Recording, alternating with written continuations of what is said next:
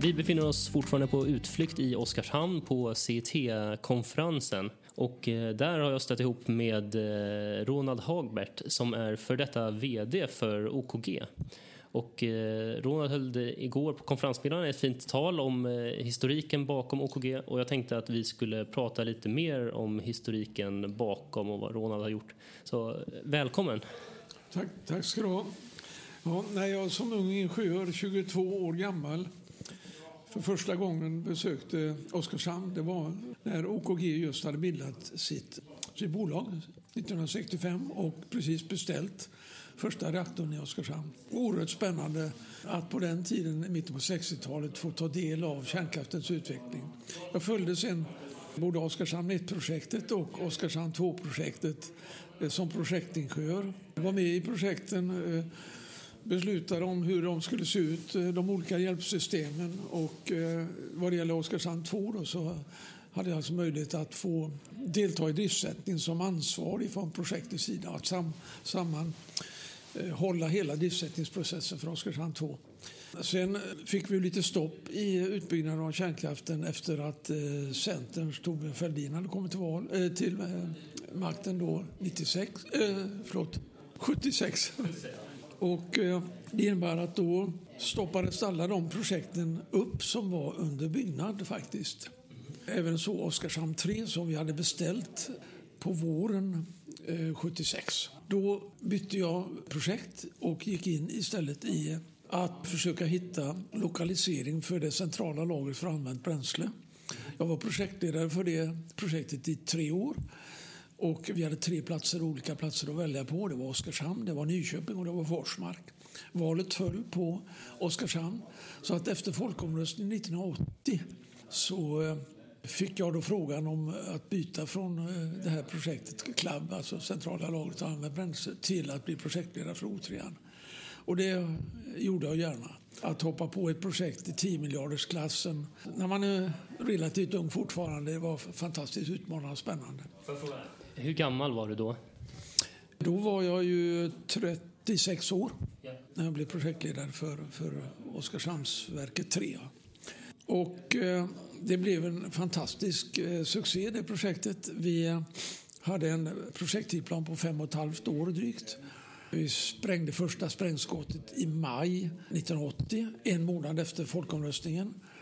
Och vi var uppe i full effekt exakt fem år senare. Så att man kan säga att vi, vi sparade in drygt ett halvår på eh, i det projektet. Och det gjorde naturligtvis att vi sparade en del pengar också i projektet, självklart. En extra klo i det hela var att vi körde om Forsmark 3-projektet i, i tidplanmässigt. Så vi kom alltså full effekt snabbare än Forsmark 3 och gick då i kommersiell drift, tror jag, om jag inte minns fel, 1 augusti 1985. När det var färdigt, detta projekt, så slutade ju vi att bygga kärnkraftverk. Det vill säga, vi hade byggt 12 kärnkraftverk i Sverige som man kunde eh, enligt det beslut som då fattades efter eh, folkomröstningen.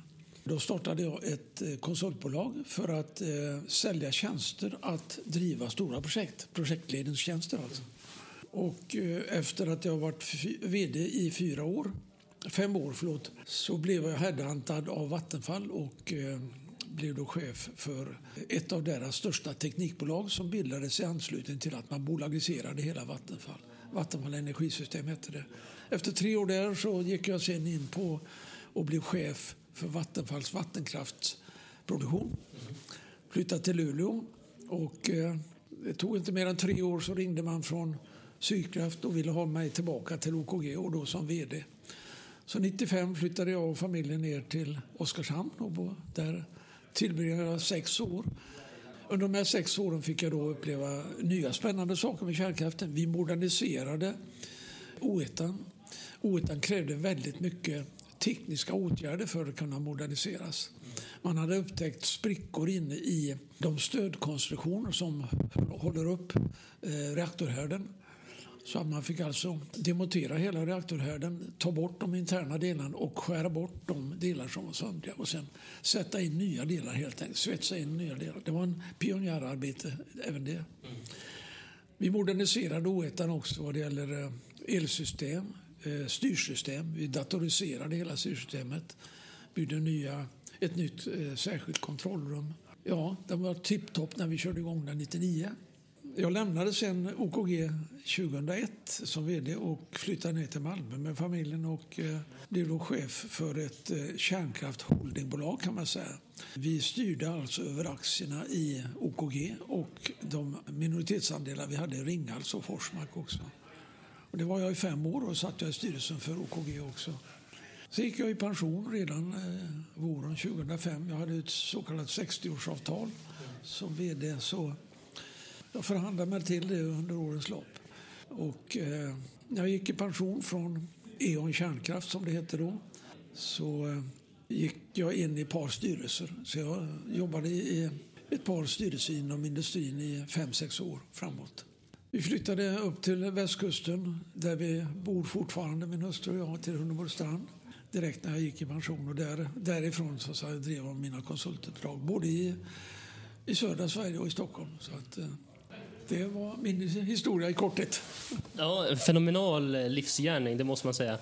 Jag skulle vilja backa bandet nästan lite, för någonting som jag själv är väldigt nyfiken på, det är ju, eh, och som jag vet att många andra ofta frågar om, det är finansieringen av reaktorerna och eh, nätutbyggnaden, om det var någon statlig subvention eller om man betalade för anslutningen. Jag tänkte om vi börjar med finansieringen, hur såg den ut när man byggde Oskarshamnsreaktorerna? Det var ju privat eh, företag som låg bakom ägandet. Det var alltså nio privata kraftföretag som startade OKG på 1965. Då. Så det var ju de som fick se till att finansiera detta med sina säkerheter. Och eh, sen var det dags att bygga O3 också med, med eh, dock något mindre antal ägare. Och Vattenfall å ena sidan eh, hade ju hela tiden staten bakom sig eftersom staten var ju ägare av Vattenfallsverket och senare också Vattenfall AB. Så man kunde alltså med staten som ägare finansiera sig på den svenska eh, marknaden. Vi tvingades vad det gäller O3 gå ut på internationell marknad och låna upp en del av kapitalet eftersom vi inte fick statsgarantierna för våra lån. Mm. Vi tyckte det var lite orättvist och man försökte väl att förhandla med staten om detta men eh, staten gav inte med sig. Men eh, vi lyckades ju ändå då det här eh, projektet Oskarshamn 3 i hamn på ett mycket bra sätt. Kortade byggtiden och vi råkade då ut för kan man säga väldigt höga räntor på våra utlandslån eftersom Sverige devalverade två gånger i början på 80-talet. Vi kom alltså upp i en byggränta på cirka 13 procent i snitt. Och det, eller finansränta kan man väl säga då, för det bestod ju dels av devalveringsförlusterna och dels av ränta. Räntan var hög också på marknaden. Men eh, O3 eh, har varit en bra affär ända från starten ändå. Jag gjorde en kalkyl när vi var eh, driftsatte O3 att vi skulle egentligen vara break-even ja, 92-93. Och det höll vi med råge alltså. Så att O3 har varit en bra affär för ägarna. Det är ju så att alla, alla, de flesta svensk, eh, eh, kärnkraftverk här är ju delägda direkt av kraftföretag. Och det är kraftföretagen som betalar så att säga, de intäkter man har i kärnkraftverken. Ja. Om vi tar det här med nätanslutningen då, hur såg det till ut? Och fick man nätet av staten eller köpte man det av, då var det Vattenfall på den tiden? Ja. Eh, det var så att eh, Vattenfall hade fastställda taxor för vad det kostade att ansluta. Och då eh, fick man alltså vara ute i god tid och anmäla Jag tror det var fem år före anslutning. Och då byggde Vattenfall de nätanslutningar som behövdes. Men som sagt, jag kommer inte ihåg vilka avgifter det var, men det var avgifter för att ansluta sig. Och sen är det ju så att systemet har ju fortsatt att vara också uppbyggt så att man betalar ju en, en, en avgift till idag Svenska kraftnät för den produktion man har ansluten. Så att eh, det har inte funnits några subventioner alls mot kärnkraften i det avseendet. Nej, väldigt intressant. Jag tror jag skulle kunna prata med dig hela veckan men jag försöker hålla de här intervjuerna ganska korta. Så om du inte har någonting du känner du vill tillägga så tänker jag vi avslutar där, vi rundar av. Och så tack för att du är här och sprider din kunskap. Ja, nej, jag kan väl bara avsluta med att säga att jag har haft en spännande resa. Att som ung ingenjör komma in i denna branschen, ja, det var en dröm alltså. Det var ju okänt för de flesta när vi startade kärnkraftsutbyggnaden i Sverige i mitten på 60-talet. Och eh, jag har ju fått leva med allt detta. Jag är tacksam. Ja, tack. tack så Strålande Tider Podcast produceras av Kristoffer Albinsson som ett privat och ideellt initiativ.